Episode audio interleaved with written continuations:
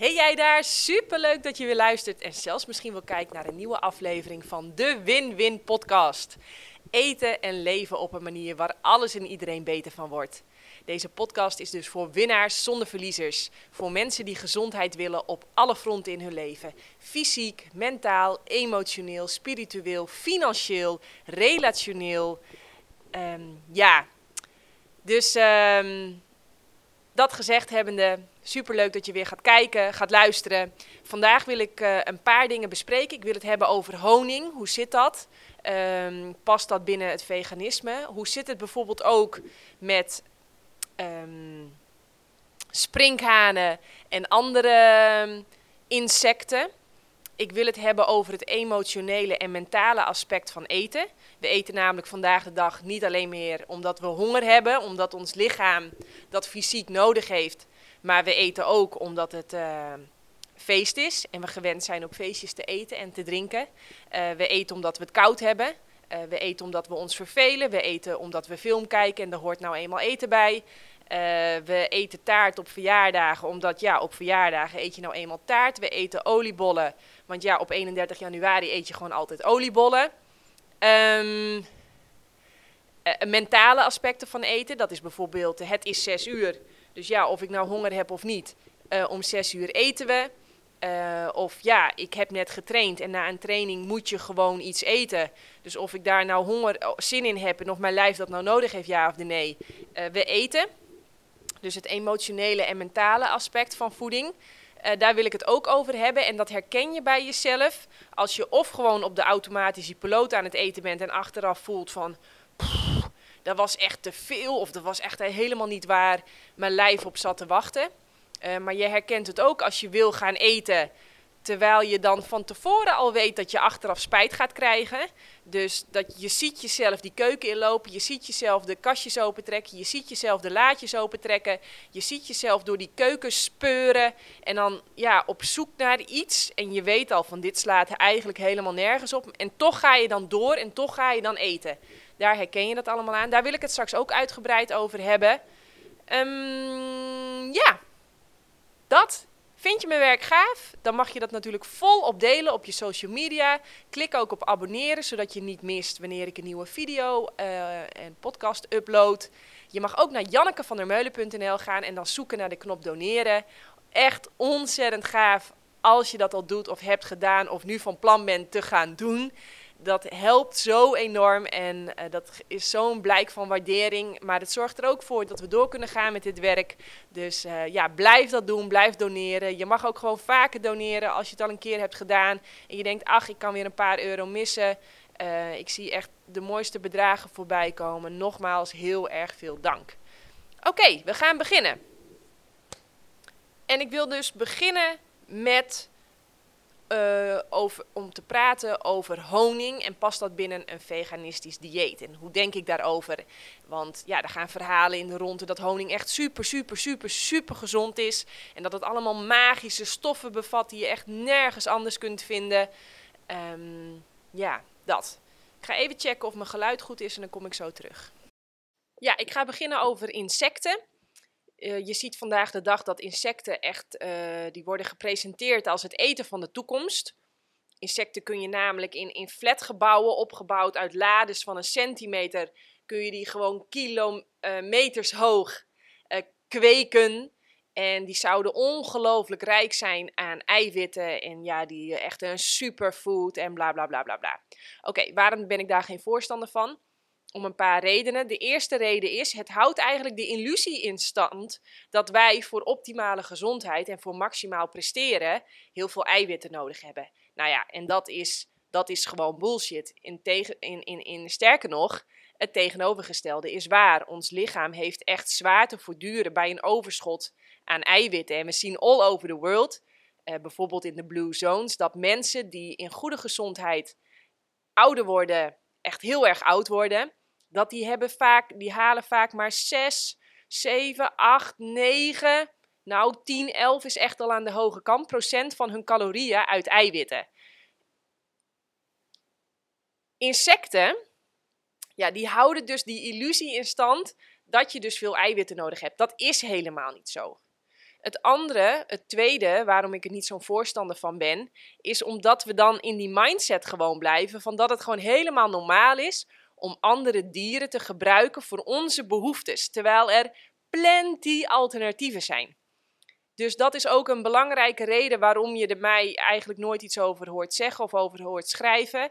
Ehm, ja, ik denk dat het veel slimmer is om over te stappen op een dieet superrijk uh, aan fruit, uh, aangevuld met bladgroenkruiden, kiemen en zeewier.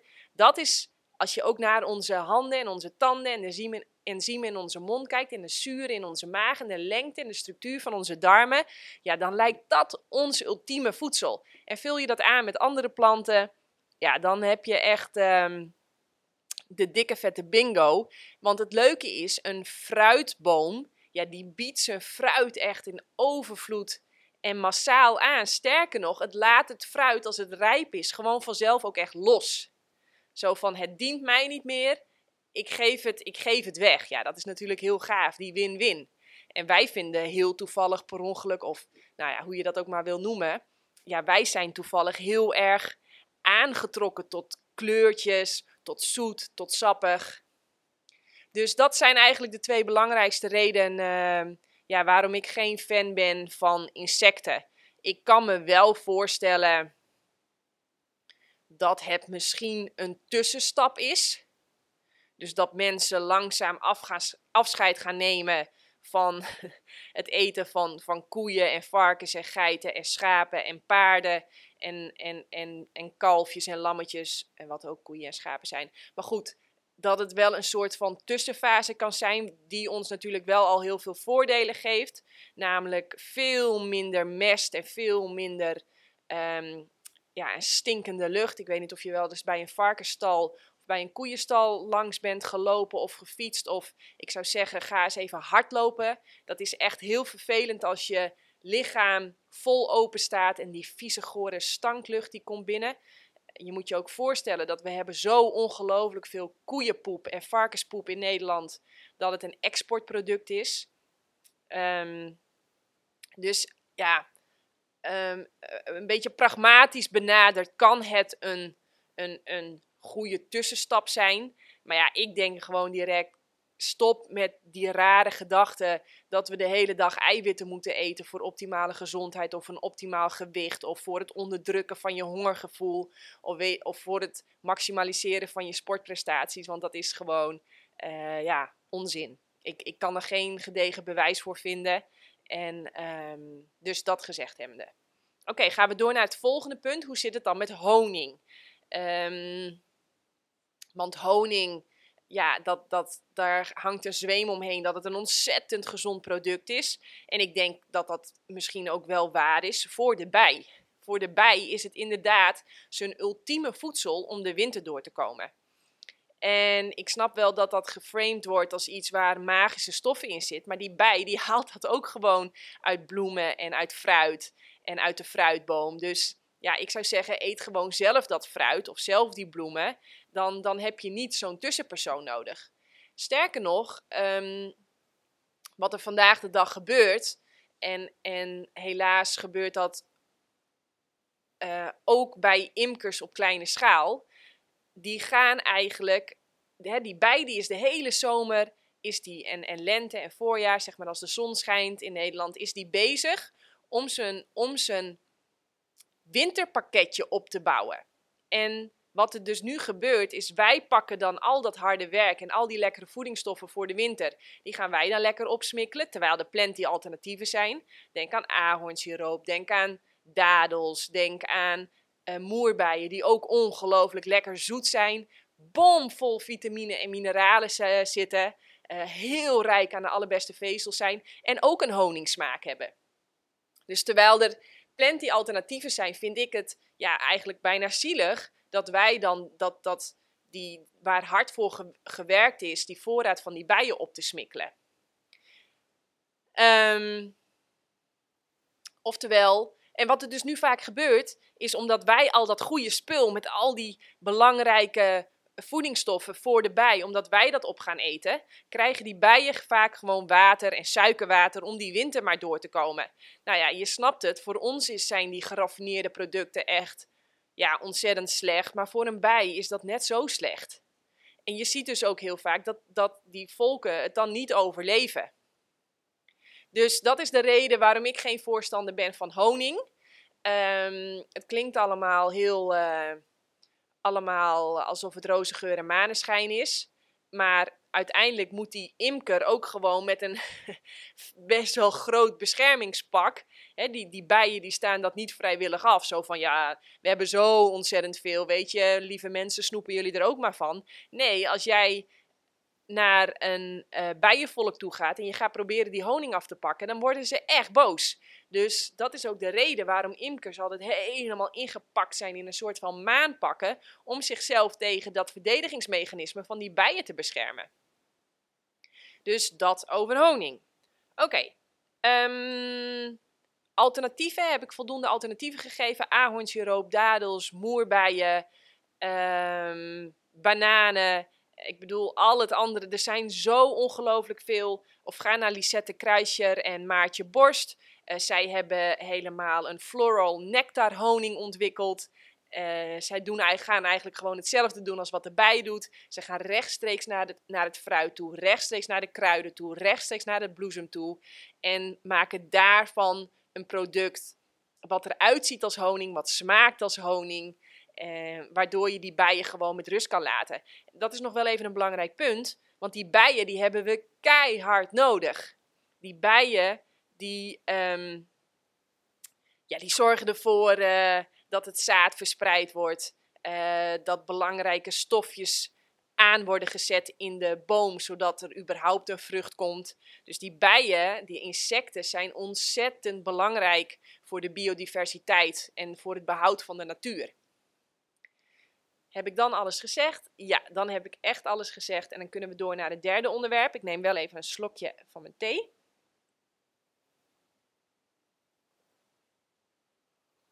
Hm. En dat is het mentale en emotionele aspect van eten.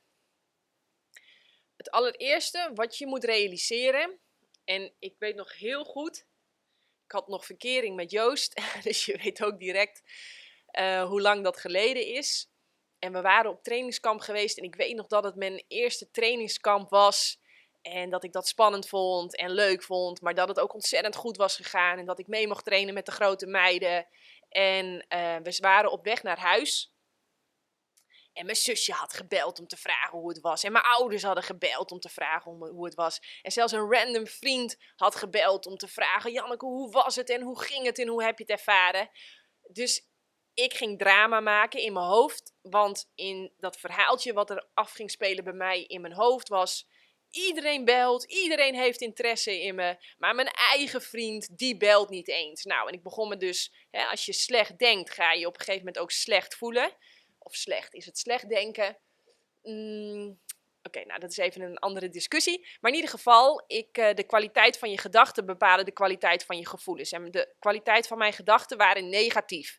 Zie je wel, hij vindt me niet belangrijk, ik, ik interesseer hem niet, hij is alleen maar met zichzelf bezig, hij ziet me niet staan. Nou, en als je dat maar de hele tijd tegen jezelf gaat zeggen en, en iedereen belt en je, en je gaat dus ook tegen jezelf zeggen, kijk, hij belt niet, dan ga je op een gegeven moment wel slecht voelen.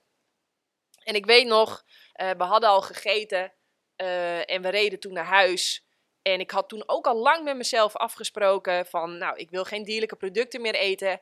En ja, ik eet liever ook geen brood. Uh, hoe lekker ik dat ook vind. Ik wil dat eigenlijk niet meer, want ik voel iedere keer gewoon dat als ik brood heb gegeten, dan gaat mijn energie naar beneden. Hè? Want je hebt twee typen maaltijden. Maaltijden die je energie geven en maaltijden waarna je direct zin hebt om in actie te komen of een blog te schrijven of een video op te nemen zoals dit, wat ik ook vlak, uh, doe vlak na de maaltijd. Um, maar er zijn ook maaltijden, oh, ja, dan wil je gewoon het liefst alleen nog maar op de bank zitten en hangen en wurgen en scrollen en... Uh. um, ja, maaltijden die je energie kosten. Dus ik was toen al op dat punt van was er al achter dat, dat broodjes met kaas bijvoorbeeld, dat waren echt, nou, dat was nou echt zo'n typische maaltijd. Oh, wat mij echt energie kostte. Maar ik kwam thuis en ja, ik was bozer en bozer dat hij maar niet gebeld had. En, eh, en ik dacht, moet ik hem nou bellen? Ik was ook helemaal een spel aan het spelen in mijn hoofd. En die verhalen, die gingen maar en die gingen maar. En ik was gewoon, ja, ook echt uh, teleurgesteld. En uh, nou, alles erop en eraan, verdrietig. ik moet er niet om lachen. Maar ja, toen was het, toen nam ik die stem in mijn hoofd ook nog heel erg serieus. Um, dan ga ik even een, een zijstapje maken, want dit is een heel belangrijk iets wat je moet begrijpen. Je hebt namelijk objectieve waarneming en subjectieve waarneming. En als iemand bijvoorbeeld, als je graag, heel graag gebeld wil worden door die persoon, maar die belt niet, dan is de subjectieve waarneming van, uh, ja, zie je wel, uh, ik ben niet belangrijk voor hem, of zie je wel, hij ziet me niet staan, of zie je wel, hij is alleen maar met zichzelf bezig en daarom belt hij niet. Dat is subjectieve waarneming. Objectieve waarneming is, uh, ik heb hier een telefoon en ik zie op die telefoon dat niemand mij heeft gebeld. Punt. En als je objectief kunt waarnemen, hè, je, dus je kunt kijken, looking and not labeling, je kunt kijken zonder daar een oordeel aan te geven of een interpretatie aan vast te hangen, ja, dan zul je merken dat het heel vrij en rustig wordt in je hoofd. En dat je vrede voelt. Nog een voorbeeld, want dit is echt een belangrijk inzicht. Stel je voor, er komt een vrouw aangelopen en die, die is in zichzelf verkeerd, die kijkt naar beneden, uh, misschien heeft ze een grumpy gezicht.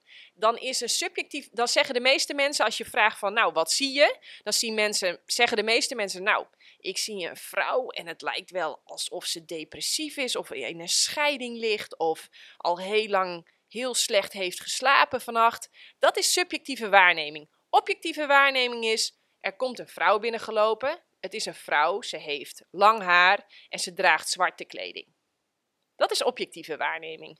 En het is heel belangrijk als jij streeft naar optimale gezondheid en rust in je hoofd en energie in je lijf, dat je zoveel mogelijk wegblijft van subjectieve waarneming, oftewel er een etiketten en verhaaltjes aan vastplakken op wat je ziet, en zoveel mogelijk blijft in objectieve waarneming.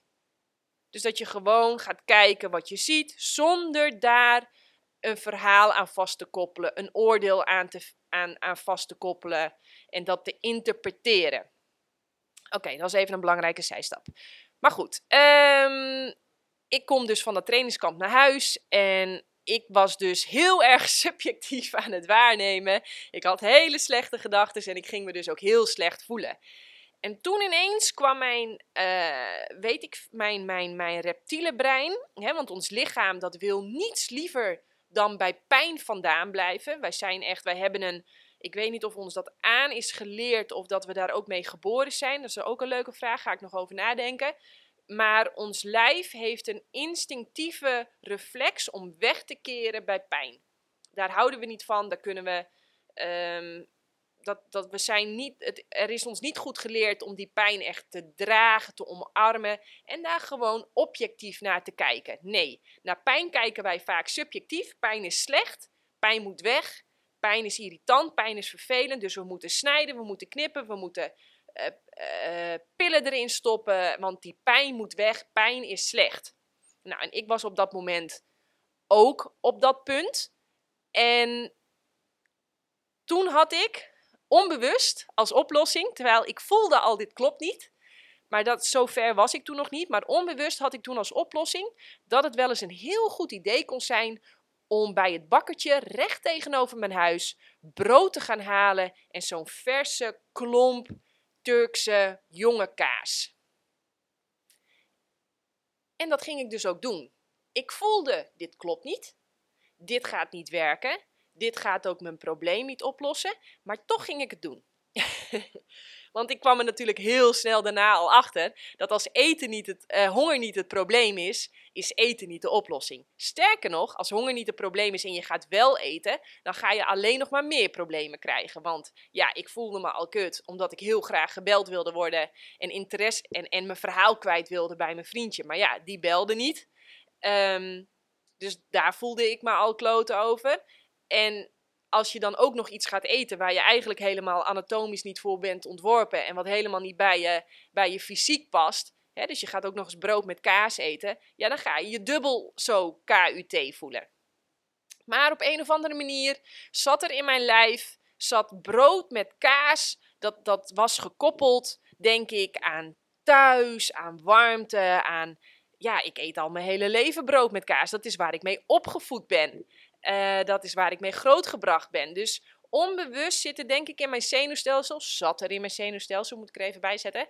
Zat brood met kaas gekoppeld aan warmte, aan thuiskomen. Ik zie ook direct die heerlijke broodjes die mijn moeder voor mij smeerde. die smeerde altijd van die lekkere, uh, donkerbruine, stevige broodjes. En daar zat dan kaas tussen en wat komkommer en wat tomaat. En dan had ik ze altijd het liefste dat ze al de hele ochtend in mijn bakje zaten. Dat dat zo helemaal samengesmolten was.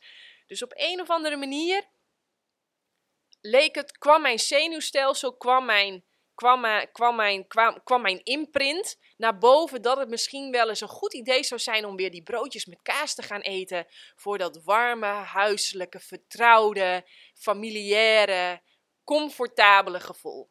En ik wist, dat klopt niet, want ik ben er al lang achter, dat als ik echt goed ga voelen dat die broodjes kaas mij dat helemaal niet gaan geven. Sterker nog, ik kak daar heel erg van in. Maar dat verhaal zat er voor mij omheen. Dus ik ga naar beneden, ik ga die broodjes halen. Uh, ik weet al van dit is niet wie ik wil zijn, dit is niet hoe ik me wil gedragen. Ik wil helemaal niet bijdragen aan dierenleed. Ik wil helemaal geen kaas meer eten, want ik weet wat er aankleeft. Ik weet dat daarvoor een kalfje direct na de geboorte bij zijn moeder vandaan is gehaald. Alleen nu in een hokje zit op de tocht, melkpoeder moet drinken, ze niet kan knuffelen, niet kan spelen. Het is een heel klein hokje, wat natuurlijk vanuit het perspectief van de boer logisch is, want ja, hoe kleiner dat hokje, hoe minder die kan bewegen, hoe sneller die, die, die vet wordt. En, en, en ja, hoe vetter en hoe bleker dat, dat, dat, dat vlees eigenlijk van hem is, hoe beter die het als kalfsvlees kan verkopen. Dus ik, ik ga naar beneden, ik ga dat brood halen met die kaas halen, terwijl het helemaal niet, ja, helemaal niet meer bij me past. Uh, en toch doe ik het. Toch doe ik het. Dus ik weet ik ga hier spijt van krijgen. Ik weet, dit past niet bij me. Dit past niet bij me wie ik wil zijn als mens. Dit past niet bij mijn kernwaarden. Dit past niet bij mijn principes. En toch ga ik het doen. En um, nou, toen had ik het gehaald en toen dacht ik. En dan had ik ook van die, van die Turkse broden gehaald. Dat zijn dan van, die, van zo'n bolletje in het midden met allemaal bolletjes eromheen. En dat komt dan net warm uit de oven, lekker klef. En dan die lekkere zoute, kleffe homp kaas erbij. En nou, dat zou al mijn problemen dan gaan oplossen. Want ik voelde me kut, ik voelde me eenzaam, ik voelde me niet gezien, ik voelde me niet gehoord. En, um, en toen kwam ik boven en toen dacht ik, weet je wat, ik doe dan gewoon één bolletje. Eén bolletje met een beetje kaas. En, um, maar zoals dat gaat als je niet eet vanuit fysieke honger. En, want je hebt een emotioneel of een mentaal probleem eigenlijk wat je wil gaan oplossen met eten ja, dan werkt dat dus niet. Dus niet veel later is dat hele brood op en dat hele homp kaas is op. En ik voel me KUT. En dat, wat ik nu met jou deel, dit voorbeeld, dat is nou echt typisch zo'n geval dat je gaat eten om je pijn te onderdrukken. Waarom?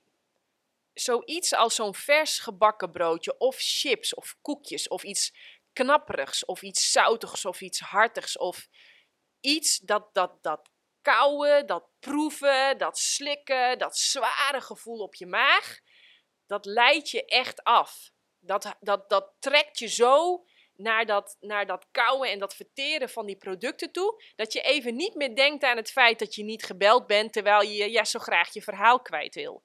Dus eten in dit voorbeeld ook, maar je ziet het vandaag de dag non-stop om je heen. En helemaal nu, hè, we zijn begin januari, er zijn toch best wel weer wat mensen die weer vol goede moed gaan proberen om af te vallen. En een van de strategieën die daar veel voor wordt gebruikt, is om minder te gaan eten. En ze zullen nu gaan merken dat ze, ook al willen ze minder eten en zien ze ook dat dat misschien gezonder voor zichzelf zou zijn, dat ze toch toch dingen gaan eten die helemaal niet gezond zijn, terwijl ze dat wel weten. En waarom? Dat is omdat wij al best wel jong geleerd krijgen om voeding, om eten en drinken te gebruiken om pijn te verdoven. Wij leren niet om ons pijn te dragen, om gewoon bij die pijn van eenzaamheid aanwezig te zijn. Nee, wij leren al heel snel. Oh, heb je pijn? Ben je gevallen? Hier een snoepje. Oké, heb je een diploma gehaald? Jee, we gaan naar de McDonald's. Heb je je zwemdiploma gehaald? Jee, we gaan een ijsje halen. Ehm, dus, dus we leren al best wel jong om eten te gebruiken om pijn te onderdrukken en dus ook die andere kant, om plezier te intensiveren. Dus om alle feestelijke aangelegenheden nog een extra oppepper van dat lekkere eten, wat altijd natuurlijk super zout en super suikerrijk is, om die boost er nog bij te krijgen. Dus um, dat eten en, en, en zie je, en, en ik ga een paar voorbeelden geven. In de hoop dat je, of in de hoop, ja, in de hoop dat je gaat kijken van, oh ja, grappig, daar doe ik dat ook. Ik zal je, eh, ik ga gewoon beginnen. Um, bijvoorbeeld, je hebt een lange dag gehad op werk. Je moest de hele tijd van alles. Dan kwam die collega weer te zeuren. Dan kwam die baas ineens weer met allemaal extra opdrachten. Dan had je nog een vervelende klant, ik noem maar wat. En dan kom je thuis en dan is het gewoon, je hebt genoeg gegeten die dag ook, helemaal niks. Maar je komt thuis, je ploft op die bank en je wil gewoon even zitten en even rust. En wij leren echt al ontzettend jong Kijk maar, je brengt een kind al best wel jong naar, een, naar iets wat lijkt op een, hè, eh, een, een kinderdagverblijf of een peuter- of, of kleuteropvang en dan vervolgens naar school. En je leert daar al heel jong dat je mag niet precies doen wat je zelf wil, maar je moet doen wat de ander van je verwacht. dus de juf die bedenkt het programma, de meester bedenkt wat je moet lezen of wat je moet kijken, waar je naar moet luisteren. En het enige moment waarop jij eindelijk even mag doen wat je echt helemaal zelf wil, dat is in de pauze, in die hele korte pauze. En wat moet je ook altijd doen in die pauze? Dat is eten. Dus super, super, super, super jong wordt er in ons hele systeem wordt rust en ontspanning en eindelijk eens even doen wat je echt zelf wil, wordt gekoppeld aan eten. Dus heel veel mensen als die behoefte hebben aan ontspanning en aan rust en dan even niet gestoord worden en dan even echt doen wat ze zelf willen, gaan ze automatisch eten. Niet omdat ze honger hebben, niet omdat hun lijf meer brandstof, vitamine of mineralen of vocht nodig heeft. Nee, gewoon omdat dat eten ze even weghaalt uit de drukte voor heel veel mensen, sterker nog, die mogen ook helemaal niet. Dat is een beetje de generatie van mijn ouders en voorouders. Je moet gewoon werken en doorbikkelen. En gewoon even gaan zitten, of even in de tuin gaan liggen, of even lummelen, of even wolkjes stellen, of in je neus peuteren, of aan je kont krabben. Dat mag niet zomaar. Dat mag alleen omdat je honger hebt en even wat moet eten, bijvoorbeeld dus, dus de pauzes, dat is altijd gekoppeld aan eten. Vrijheid ontstaat daarentegen als je, uh, als je merkt bij jezelf, oh ik heb behoefte aan rust en ik heb behoefte aan ontspanning. Um, om dan echt even bij jezelf in te tunen, waar dien ik mezelf nou echt het meeste mee? Als ik zometeen die koekjes die nu bijvoorbeeld al in mijn schaaltje zitten, of die zak chips die nu al naast me ligt, of die, die weet ik veel wat je uit de kasten hebt geklauwd, gaat me dat ook echt brengen waarnaar ik echt ten diepste verlang? En heel vaak is het antwoord nee. Want die koekjes en die snoepjes en die chippies en die, die, die reepjes en die weet ik veel wat je allemaal hebt gepakt, die gaan je misschien wel verder van je doel afbrengen. Want misschien heb je wel als doel om net iets slanker te zijn voor je gezondheid. Of misschien heb je wel als doel, uh, nou ja, dat is wel vaak het doel. Maar misschien merk je wel van ja, ik sleur eigenlijk wat meer kilo's mee dan goed is voor mijn gezondheid. En zou het dus eigenlijk veel slimmer zijn om helemaal niet die junkfood te gaan eten, maar gewoon lekker een appel te gaan eten of druifjes. Maar in eerste plaats ook even echt te voelen van, heeft mijn lijf nu eigenlijk wel meer eten nodig? En als je die ruimte kunt creëren en echt kunt kijken van, oh grappig, ik zie dat ik hier reflexmatig eh, omdat ik behoefte heb aan rust of behoefte heb aan warmte of behoefte heb aan eh, tijd voor mezelf of een lekkere knuffel of waardering of een goed gesprek of weet ik, uh, plezier of meer enthousiasme of um, ja, dat. Dat je dan ook echt gaat kijken van los ik dat eigenlijk wel op door nu te gaan eten. Dus je gaat echt intunen van, oké, als alles mag, alles kan, hè, want dat is zo. Je mag eten wat je wil. Zoveel je wil, zo vaak je wil, wanneer je wil, waar je wil. Alles mag tegenwoordig. Ik bedoel, de supermarkten puilen uit. Je mag 100 chocoladerepen kopen, 80 zakken chips, 60 liters, 60 liter cola. Alles mag. Echt alles mag. Je mag zoveel vlees eten als je wil, kaas eten als je wil, vlees, worst, vis uh, broodjes, pindakaas met hagelslag, koeken, alles mag je gewoon kopen. Ik bedoel, het mag, het is er. Niemand die het verbiedt. Als je hier naar luistert, ben je volwassen.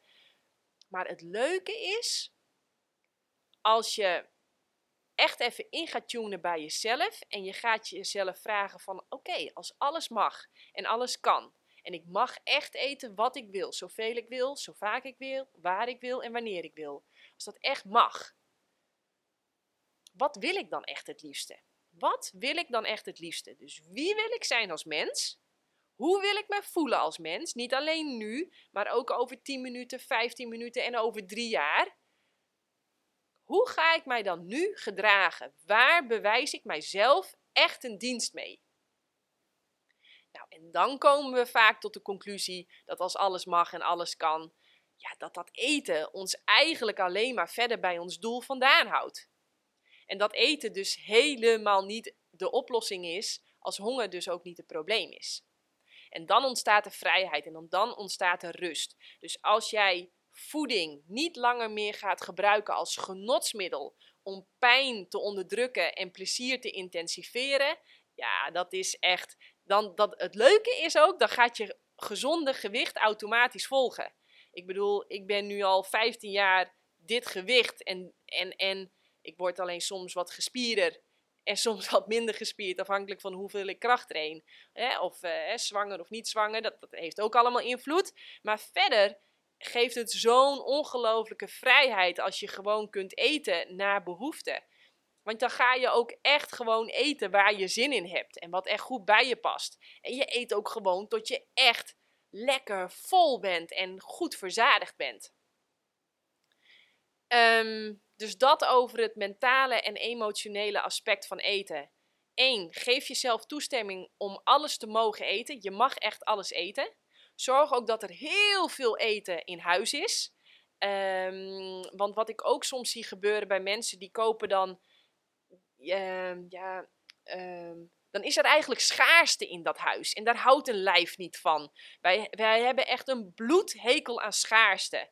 En als er schaarste is en er is bijvoorbeeld maar één cookie of maar één dit, dan, dan ontstaat er ook een soort van krampachtigheid. Hier ga ik nog even over nadenken en later op terugkomen. Ik merk dat ik nu vaag ben, maar uh, ons huis, ja, wij hebben 20 kilo bananen, 10 kilo dadels, 50 kilo moerbeien, want dat is ook super veel voordeliger om groot in te kopen.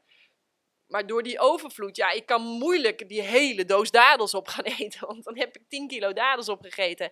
Maar ik mag wel precies eten zoveel ik zelf wil. En ik voel dat dus ook. Dus ik doe ook nooit van tevoren iets in een bakkie. Ja, soms wel. Maar dan doe ik gewoon 20 dadels in een bakkie. En dan ga ik gewoon eten. En dan voel ik wel, ja, wanneer ik vol ben. Uh, maar ik mag alles eten. Ik mag ook dierlijke producten eten. Tuurlijk mag ik dierlijke producten eten. Zoveel ik wil. Het is niet strafbaar. Het is niet bij wet verboden. Het mag gewoon. Maar als ik dan echt ga intunen bij mezelf, wil ik dat ook? Wil ik bijdragen aan het probleem of wil ik meewerken met de oplossing? Ja, dan is het voor mij heel, heel duidelijk dat ja, ik wil niet bijdragen aan dierenleed. Ik wil het niet op mijn geweten hebben dat dat kalfje weg wordt gehaald bij zijn moeder. Of uh, dat, dat een dier ja, voor mij naar de slacht gebracht moet worden en echt in de zijn hele leven op betonnen vloeren staat in zijn eigen stront.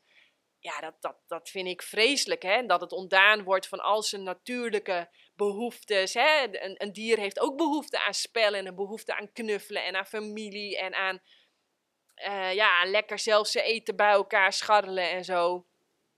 Ja, dus wil ik er dan aan bijdragen dat, het, dat, dat dat dier dat allemaal ontnomen wordt? Nee, dat wil ik niet. Dus wie wil ik zijn als persoon? Nou, niet dat, want er zijn zoveel alternatieven. Er zijn zoveel mogelijkheden. Ja, het hoeft ook helemaal niet. Echt, in Nederland is de keuze gewoon reuze.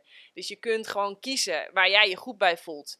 En, en ik heb het heel vaak over succesvolle mensen en mensen die gezondheid hebben op alle fronten in hun leven. En als je naar twee belangrijke kenmerken kijkt van die succesvolle mensen, dan is dat aan de ene kant zelfkennis. Dus ze weten wie ze zijn, ze weten wat hun kernwaarden zijn, ze weten wat hun principes zijn. En er zijn nog heel veel meer. Hè. Ze hebben heel veel kennis over hun familie, over hun verlangens, over hun valkuilen. Ga ik allemaal wel op in eh, in de boeken. Maar voor nu even kort, dat ze dus heel veel zelfkennis hebben, maar ze hebben ook heel veel zelfbeheersing. En zelfbeheersing betekent niets anders dan ik kan nu biefstuk bestellen, ik kan nu ijs gaan kopen, ik kan nu uh, weer koffie gaan drinken, ik kan nu een chocolaatje nemen. Ik bedoel, ik kan dat ook allemaal gaan doen. Ik bedoel, ik kan alles gewoon kopen wat ik maar wil. Maar we zien dat succesvolle mensen, mensen met gezondheid op alle fronten, die hebben de power en het bewustzijn om zichzelf te kunnen beheersen. Zo van, ik mag dat wel, maar wil ik dat ook? Nee, ik wil dat niet. Maar stel je voor, maar hetzelfde is ook, ik wil het bijvoorbeeld wel. Mijn brein komt soms ook met het idee dat het een goed idee is om, uh, even zien, wat heb ik als, wat, wat, wat bedenk ik dan? ik moet zeggen dat ik mezelf er aardig van verlost heb, maar uh, ik, ik verzin wel wat. Brood met pindakaas en hagelslag, ik noem maar wat. En, ook, en het is dan ook heel een heel belangrijke eigenschap. Dat ook al wil je zoiets wel en kun je het ook. Want ik bedoel, ik kan gewoon naar de winkel gaan. Ik kan brood kopen, ik kan pindakaas kopen en ik kan hagelslag doen. Om op zo'n moment mezelf te beheersen. En echt ook even te gaan lachen. Zo van, Janneke, wat denk je daarmee te bereiken? Ik bedoel, altijd als je brood eet met pindakaas, dan heb je daarna uh, buikpijn, slechte darmen en pukkels op je kop. Is dat nou echt wat je wil? Oh ja, dan denk ik altijd, nee, dat is helemaal niet wat ik wil. Oké, en dan moet ik even met mezelf in gesprek, hè. Van waarom komt deze behoefte dan naar voren? Waarom oppert mijn, mijn brein, of waar dat dan ook maar vandaan komt, dat dat ineens zo'n goed idee is? En dan ga je echt, echt intunen bij jezelf. En bij mij is het dan vaak uh, dorst. Ik vergeet echt heel vaak te drinken. Ik ga dus nu ook weer even drinken.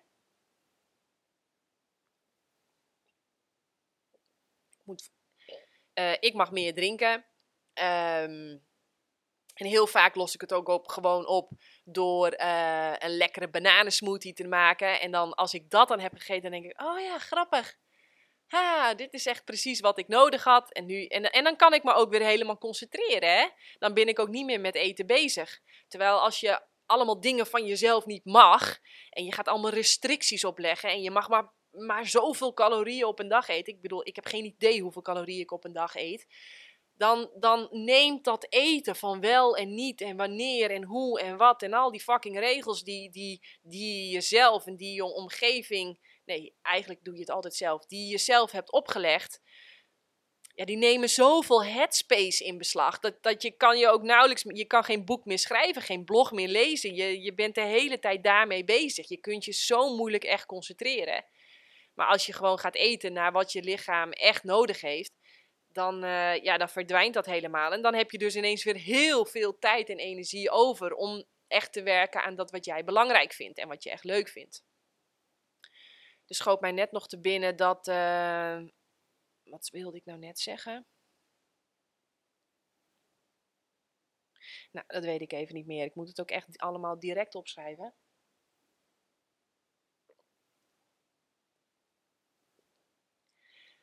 Um, dus dat over het uh, mentale en emotionele aspect van eten. Als honger niet het probleem is, is eten niet de oplossing. Ga echt bij jezelf naar wat, wat, waar. Oh ja, dat is het. Uh, sorry, ik maak mijn zin niet af. Maar ga bij jezelf naar waar dien ik mijn lijf echt mee. Oké, we gebruiken eten dus. Uh, ik ga het even zo een steekwoord opschrijven. We gebruiken eten dus om plezier te intensiveren. Ik zal wat voorbeelden noemen. Het is oud jaar. Uh, we gaan oliebollen eten, champagne toasten. Um, of we zijn in Frankrijk en dan gaan we kaasjes eten en wijn drinken. Want dat hoort erbij, weet je wel. Dat, dat geeft dan extra, extra ja, iets extra's aan je ervaring in Frankrijk zijn. Of het is verjaardag en we gaan taart eten, want met die taart gaan we dan vieren, weet ik veel. Ehm, dat is dus eten gebruiken om plezier te intensiveren. Diploma behaald, zwemdiploma behaald, echt. Hè? Dus we gaan eten om te vieren. Uh, eten gebruiken om pijn te verdoven. Uh, dan ga je eten als je moe bent, als je eenzaam bent, als je het koud hebt. Uh, dan ga je dus het, het gebruiken om, om bij de kern van de zaak weg te blijven. Zodat je aandacht gaat naar het eten, het kauwen, het slikken, het proeven, het verteren, het zware gevoel op je maag of um, zelfs de misselijkheid die je geeft waar je dan op kunt focussen. Of de pijn in je buik die het geeft waar je dan je aandacht naartoe kunt waar je dan je druk over kunt maken, zodat je niet meer naar de kern van de zaak gaat en, en dat je niet meer hoeft te kijken naar welke behoeften heb ik hier, uh, welke onvervulde behoeften heb ik hier. Maar wat veel interessanter is, is als je jezelf zonder behulp van eten of drinken kunt leren dragen in het feit dat als je hier op aarde bent, dat iedereen en niemand wordt overgeslagen, te maken krijgt met gevoelens van eenzaamheid, verdriet, verlies, rouw, afwijzing, uh, mislukking, falen. Um, had ik verlies al gezegd? Ja. Uh, pijn, uh, wanhoop, twijfel. Dat, die, die ongemakkelijke gevoelens waar we zo graag bij vandaan willen. Maar als je daar dus naar kunt kijken, objectief kunt kijken en gewoon of gewoon, ik zal het woordje gewoon weglaten, want zo gewoon is het niet. Dat wordt ons nergens geleerd. Maar als je daar contact mee kunt maken, dus bijvoorbeeld, ik zal een voorbeeld noemen. Vanochtend was ik bij de CrossFit en uh, ik heb hier jeuk op mijn hoofd. Ah, zo, ik ga even, ik weet niet wat er. Zo, klaar. uh, vanochtend was ik bij de CrossFit en um, nou, ik ga het gewoon met naam en toenaam doen. Ik, uh, is dat netjes? Ik zit even in te tunen bij mezelf. Mag ik dit met naam en toenaam doen? In... Nee, ik ga de naam weglaten. Oké, vanochtend was ik bij de CrossFit en daar zag ik iemand trainen. En die persoon heeft ook een podcastshow. En die had in een van zijn afleveringen gezegd van... Nou, ik doe de podcastshow nu altijd alleen maar met geluid. Maar het zou me heel gaaf lijken als iemand mij kan leren hoe je een podcast maakt met ook beeld erbij. En toen dacht ik, hey, wat grappig. Ik had ook de overtuiging van een podcastshow opnemen met beeld erbij is moeilijk, is ingewikkeld, is lastig, lastig, lastig. Maar ja, Janneke zal Janneke niet zijn als ze gewoon hulp gaat vragen. Hè? Want als je uh, weet dat je het niet weet, kun je hulp vragen. Dus ik heb hulp gevraagd en het blijkt helemaal, ja, het is, het is hard werken. Je moet ervoor investeren, uh, je moet veel spullen kopen, je moet uitzoeken hoe dat werkt. Maar als je dat eenmaal hè, oefent, oefent, oefent, traint, traint, traint en herhaalt, herhaalt, herhaalt, dan is dat gewoon een leerbare, met de juiste spullen, is dat een leerbare vaardigheid. Dus ik dacht, um, weet je wat, ik ga naar hem toe en ik zeg, ik heb een leuk idee. Uh, ik ga jou leren hoe, je dat, hoe dat werkt met die camera's erbij. Ik heb me dat zelf eigen gemaakt. Ik kan dat jou ook leren. Kom je bij mij in de podcast? En is het dan niet een leuke ruildeal als ik daarna ook bij jou in de podcastshow kom? Want ja, ik voldoe volgens mij aan jouw uh, onderwerpen. Uh, je praat over spiritualiteit. Nou, dat is ook echt een van mijn favoriete onderwerpen. En ja, volgens mij hebben we dan een hele gave win-win. Nou, en uh, de persoon in kwestie zegt tegen mij van... Nou, hartstikke leuk. Ik, ik kom zeker weten in jouw podcast. Maar in mijn podcast kun je helaas niet aanschuiven, want ik heb alleen maar mannen in de podcast. dus ik kijk hem aan. En ik merk dat er bij mij een gevoel opkomt van, oh grappig, ik word hier afgewezen. Niet om mijn kwaliteiten, maar om mijn geslacht. En volgens mij noemen we dat discriminatie. dus ik zeg tegen hem van, uh, oh grappig, ik, ik weet niet hoe ik hiermee om moet gaan. Nou, wat dus ik, ik ervaar dat gevoel van afwijzing in mezelf. Zo een soort van kleine stomp in mijn, in mijn middenrif. Zo van, oh grappig, ik word hier afgewezen om iets waar ik niks aan kan doen. Namelijk dat ik uh, meloenen heb in plaats van een banaan tussen mijn benen. Dus, dus um, wat, wat zou iemand nou doen die onbewust is? Die gaat zo'n ongemakkelijk gevoel eigenlijk een soort van wegstoppen. Van, oh kut, ik voel me hier afgewezen, zo mag ik me niet voelen. Dus uh, bijvoorbeeld eten is dan een oplossing, want dat leidt lekker af. Maar waar ik jou eh, voor wil uitnodigen, is om met één oog naar binnen te gaan en gewoon te observeren. Wat gebeurt hier in mijn lijf nu ik afgewezen word? Om iets waar ik niks aan kan doen. Namelijk het feit dat ik vrouw ben en dat deze persoon alleen maar mannen in zijn podcast wil. En dat ik dus niet mag komen. En dat de persoon in kwestie dan vervolgens wel zegt van nou, weet je wat? Maar ik kom wel gewoon sowieso bij jou. Maar ja, bij mij kun je niet komen. En, en um, dat je leert om contact te maken met, oh grappig, ik word dus nu een soort van in mijn buik gestompt. Oh, dat gebeurt ongeveer hier, onder, ten hoogte van mijn middenrif, onder mijn borsten. En wat voor kleur heeft het? Nou, voor mij was het een donkerblauwe kleur. Maar door bij die pijn te blijven en dat te observeren en niet te zeggen van, oh dat is slecht of dat is raar dat ik me zo voel. Nee, ik voel mij zo. Dus door te kijken en niet te labelen, dus door te kijken zonder oordeel en gewoon objectief te kijken, wat gebeurt er nu in mijn lijf? Kun je jezelf leren om zo'n gevoel van afwijzing of verdriet of uh, eenzaamheid, om dat gewoon te dragen en uit te zitten. Want het lijkt heel vaak alsof we, als iemand ons niet belt, of iemand ons geen kaartje stuurt, of iemand ons negeert, of um, iemand anders iets doet wat we niet, liever niet hadden gewild, dat we dan verzuipen in dat verdriet of in die eenzaamheid. Maar dat is niet zo. Als jij contact maakt met dat gevoel in je lijf, dan kan ieder mens dat gewoon dragen en uitzitten. Maar dat doe je door dus naar binnen te gaan, in je lijf te gaan en echt contact te maken met die fysieke sensatie die er ontstond toen je te horen kreeg dat je niet aangenomen was voor de baan.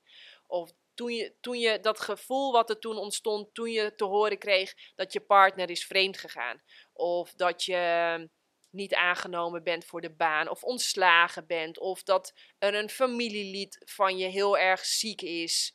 Uh, en, daar, en, en die de diagnose heeft gekregen van hij, wordt, hij of zij wordt niet meer beter. Um, wat natuurlijk maar een diagnose is. Hè. Ik, ik ken geen artsen met glazen bollen, maar tegenwoordig hebben ze bijna allemaal een glazen bol. En kunnen ze allemaal in de toekomst kijken en kunnen ze helemaal voorspellen hoe jouw ziekte zich gaat manifesteren en wat er dan allemaal met jou gebeurt. Ja, ik geloof daar niet in. Maar goed, als je daar wel in gelooft, dan kan ik het me voorstellen dat als je dan een bericht krijgt dat iemand nog maar zo, iemand die je dierbaar is, nog maar zoveel weken te leven heeft, dat dat, dat dat een gigantische klap is en dat er heel veel verdriet en angst en pijn en wanhoop en onzekerheid boven komt. Maar als je daar dus contact mee kunt maken en je kunt die shitstorm en dat vervelende gevoel aankijken en tegemoet treden en daar contact mee te maken en er ook echt mee samensmelten. En je ervaart dat een paar keer, dan zul je merken dat dat, dat dat veel makkelijker is en veel efficiënter en slimmer, hoe moeilijk het ook lijkt, dan de pijn proberen op te lossen door te gaan eten. Dus ik hoop dat dit duidelijk was. In mijn boek ga ik hier heel uitgebreid op in. Waarom? Ik zie alle diëtisten die proberen mensen af te laten vallen door calorieën te skippen of voedingsmiddelen weg te laten en andere erbij te halen of meer te gaan bewegen om de balans van inname en uitgave maar negatief te krijgen zodat het lichaam gaat op, op vet gaat, gaat verbranden. Maar als jij geen aandacht schenkt aan het feit van waarom eet jij eigenlijk? Waarom stop jij nu iets in je mond? Waarom doe jij wat je doet?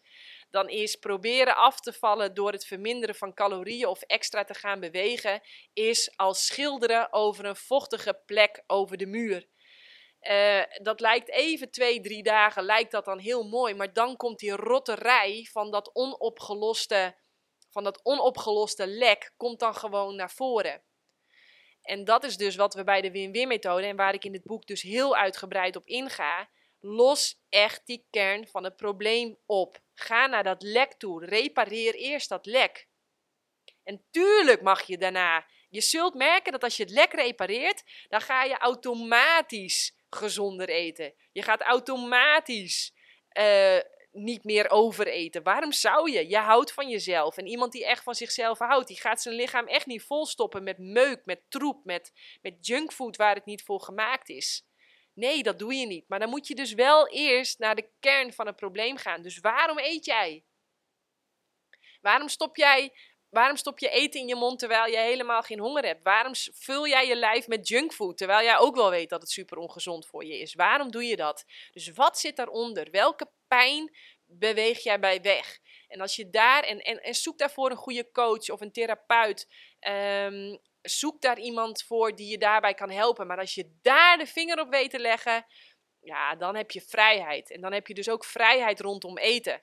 En dan heb je zo ongelooflijk veel headspace over. Um, en daar schilderen over, over dat plek, over, over dat lek, daar schilderen alle diëtistes en, en 99% van die dieetboeken schilderen daar overheen. En daarom hebben ze dus ook geen resultaat en zo weinig succes. Daarom is het zo belangrijk om de kern van het echt, echt, echt te beginnen bij de basis. De basis, de basis, die wortels onder de grond. Hè? Zie je een boom voor je en alles boven de grond, al dat zichtbare, dat is zichtbaar door die wortels onder de grond. Als daar rotterij zit in een van die wortels, dan moet je het daar oplossen. Dus je moet echt het beest in de bek kijken, zoals ik wel vaak zeg. Ja, volgens mij uh, is dit helder. Dat hoop ik. In ieder geval, heb je nog meer vragen voor mij? Uh, stuur ze uh, via de mail of onder de YouTube of uh, via mijn Instagram, Janneke van der Meulen. Wil je dit eens even rustig nalezen en kijken van oké, waar, waar zit bij mij de, het lek? Waar zit bij mij uh, ja, het begin van het probleem eigenlijk? Waarom eet ik? Ik heb hier dat, hè, als je schrijft, dan kun je dat honderd keer overdenken en, en kneden. En, en daarom, nou ja, uh, vind ik schrijven tussen haakjes makkelijker dan praten. Maar ik hoop dat ik het duidelijk heb uitgelegd. Um, kun je dat rustig nalezen. Dit boek vind je enkel en alleen op jannekevandermeulen.nl slash boeken. Uh, dat is ook de plek waar je de knop doneren vindt. Dus vond je dit al super gaaf en heeft je dit al heel erg geholpen? Ik kreeg net ook weer een mailtje binnen van, nou, door jou ben ik voor het eerst in 30 jaar zonder honger en met heel veel gemak 30 kilo afgevallen. Nou, wauw, dat is echt, echt een recensie. Ik zal hem zo ook weer even delen trouwens. Um, ja, dat is toch echt leuk. Dus heb jij ook zoiets, deel dat. Um, maar heb je ook zoiets en denk je van ja, weet je, wow, daardoor koop ik nu al dat koek en dat snoep niet meer. Al die frisdrank neem ik niet meer. Op de weg naar huis vanuit mijn werk rij ik daardoor nu niet meer stiekem, stiekem langs de Subway en stiekem langs de McDonald's. En haal ik niet stiekem meer dit en dit en dat. Alleen dat heeft me al zo ongelooflijk veel euro's gescheeld. Uh, daar wil ik je voor bedanken, Janneke. Ga dan naar jannekevandermeulen.nl en zoek naar de knop doneren. Uh, iedere bijdrage, groot, klein, echt ontzettend leuk als dat binnenkomt. En dan wil ik je heel erg bedanken voor het luisteren. En zelfs misschien wel voor het kijken. En dan zeggen tot de volgende keer. Doei! Wil jij ook op een supergezonde, verantwoorde manier meer plantaardig eten? Lees dan het nieuwste boek De Eiwitleugen. Mijn naam is Janneke van der Meulen. In 2019 werd ik voor het eerst wereldkampioen kustroeien en in 2021 werd ik moeder. Allemaal op een dieet van voornamelijk fruit en planten. Want weet je wat het leuke is? Jij hoeft niet dezelfde fouten te maken als dat ik heb gemaakt. Wil jij ook het allerbeste voor jezelf, de dieren en de aarde? Ga dan naar jannekevandermeulen.nl slash boeken.